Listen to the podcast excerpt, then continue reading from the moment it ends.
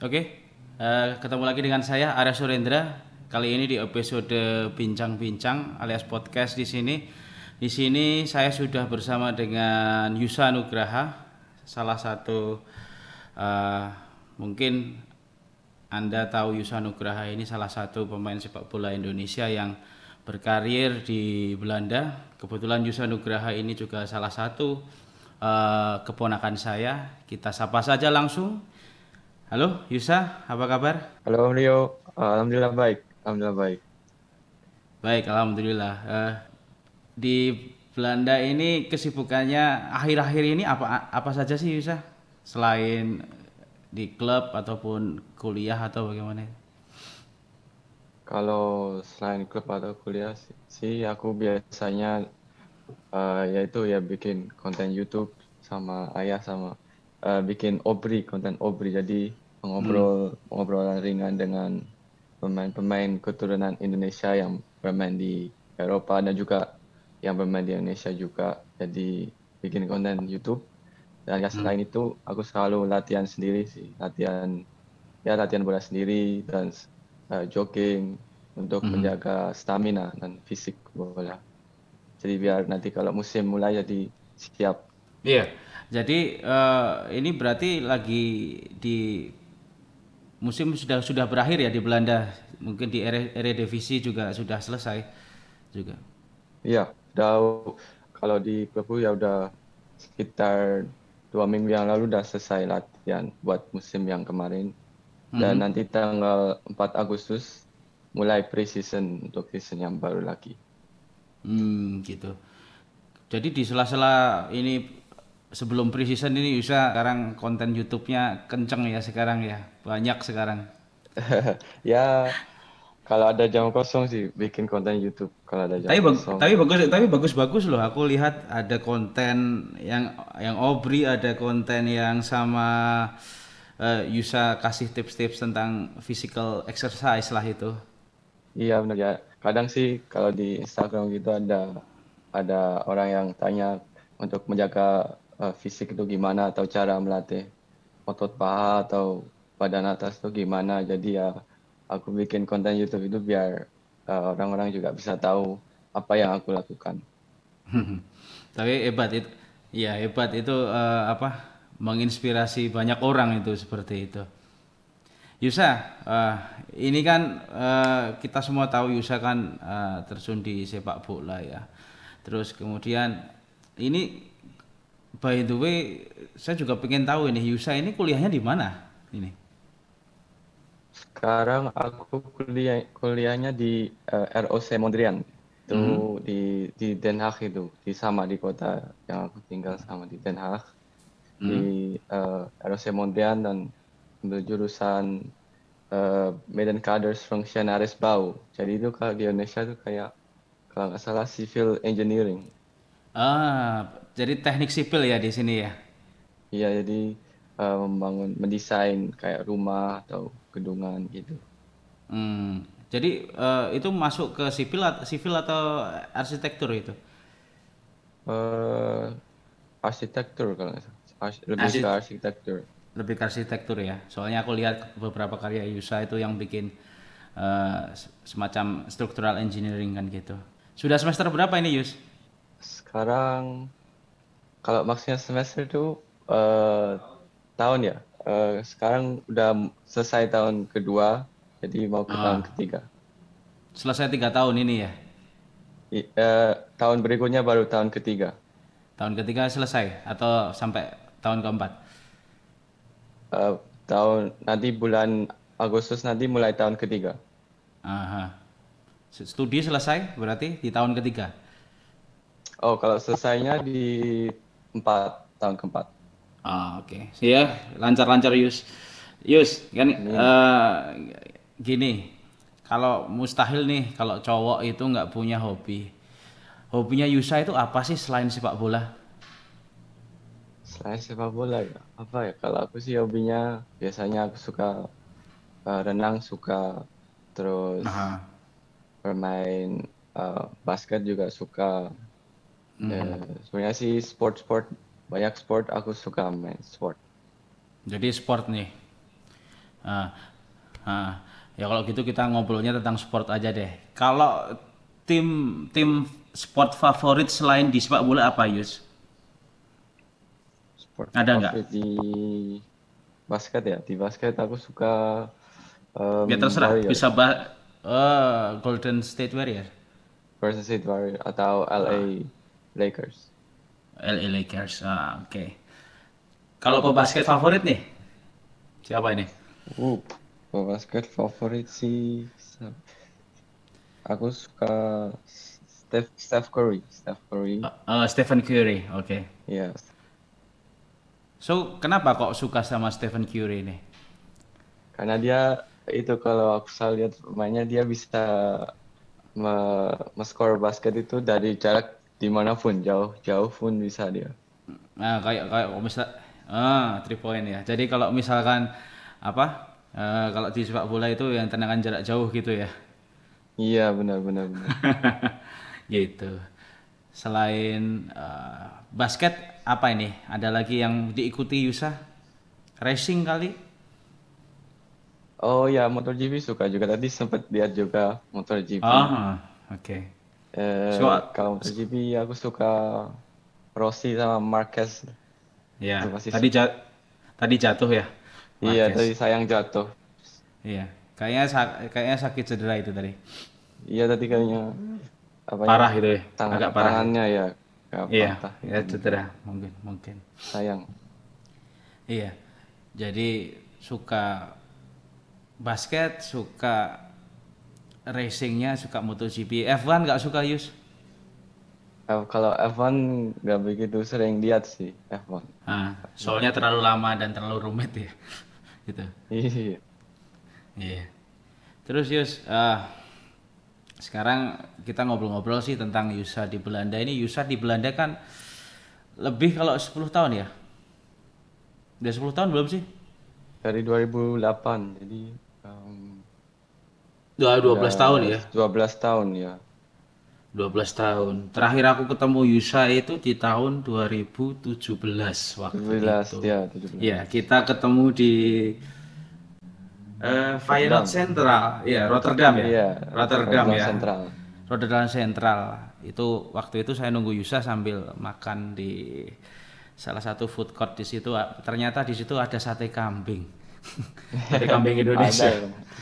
Ada ya, di. Ada situ. Indonesia komplit. Iya. Ya, jadi waktu itu eh, kita eh, ke tempat de, de Kuip ya itu waktu itu ya atau tempat latihannya Vayan- De Kuip ya, ya kalau bacanya. The Kaip, ya, The De Kaip. Kuip. De Kuip waktu itu lihat Yusa latihan juga. Terima kasih loh Yus waktu itu bisa ikut Oh, Yusa sama-sama. waktu itu. Udah hampir tiga tahun ya itu kita itu hampir tiga tahun yang lalu itu. Yus, sekarang tentang kehidupan Yusa di Belanda itu udah 12 tahun di Belanda itu Yusa itu kangen nggak sih sama Indonesia ini?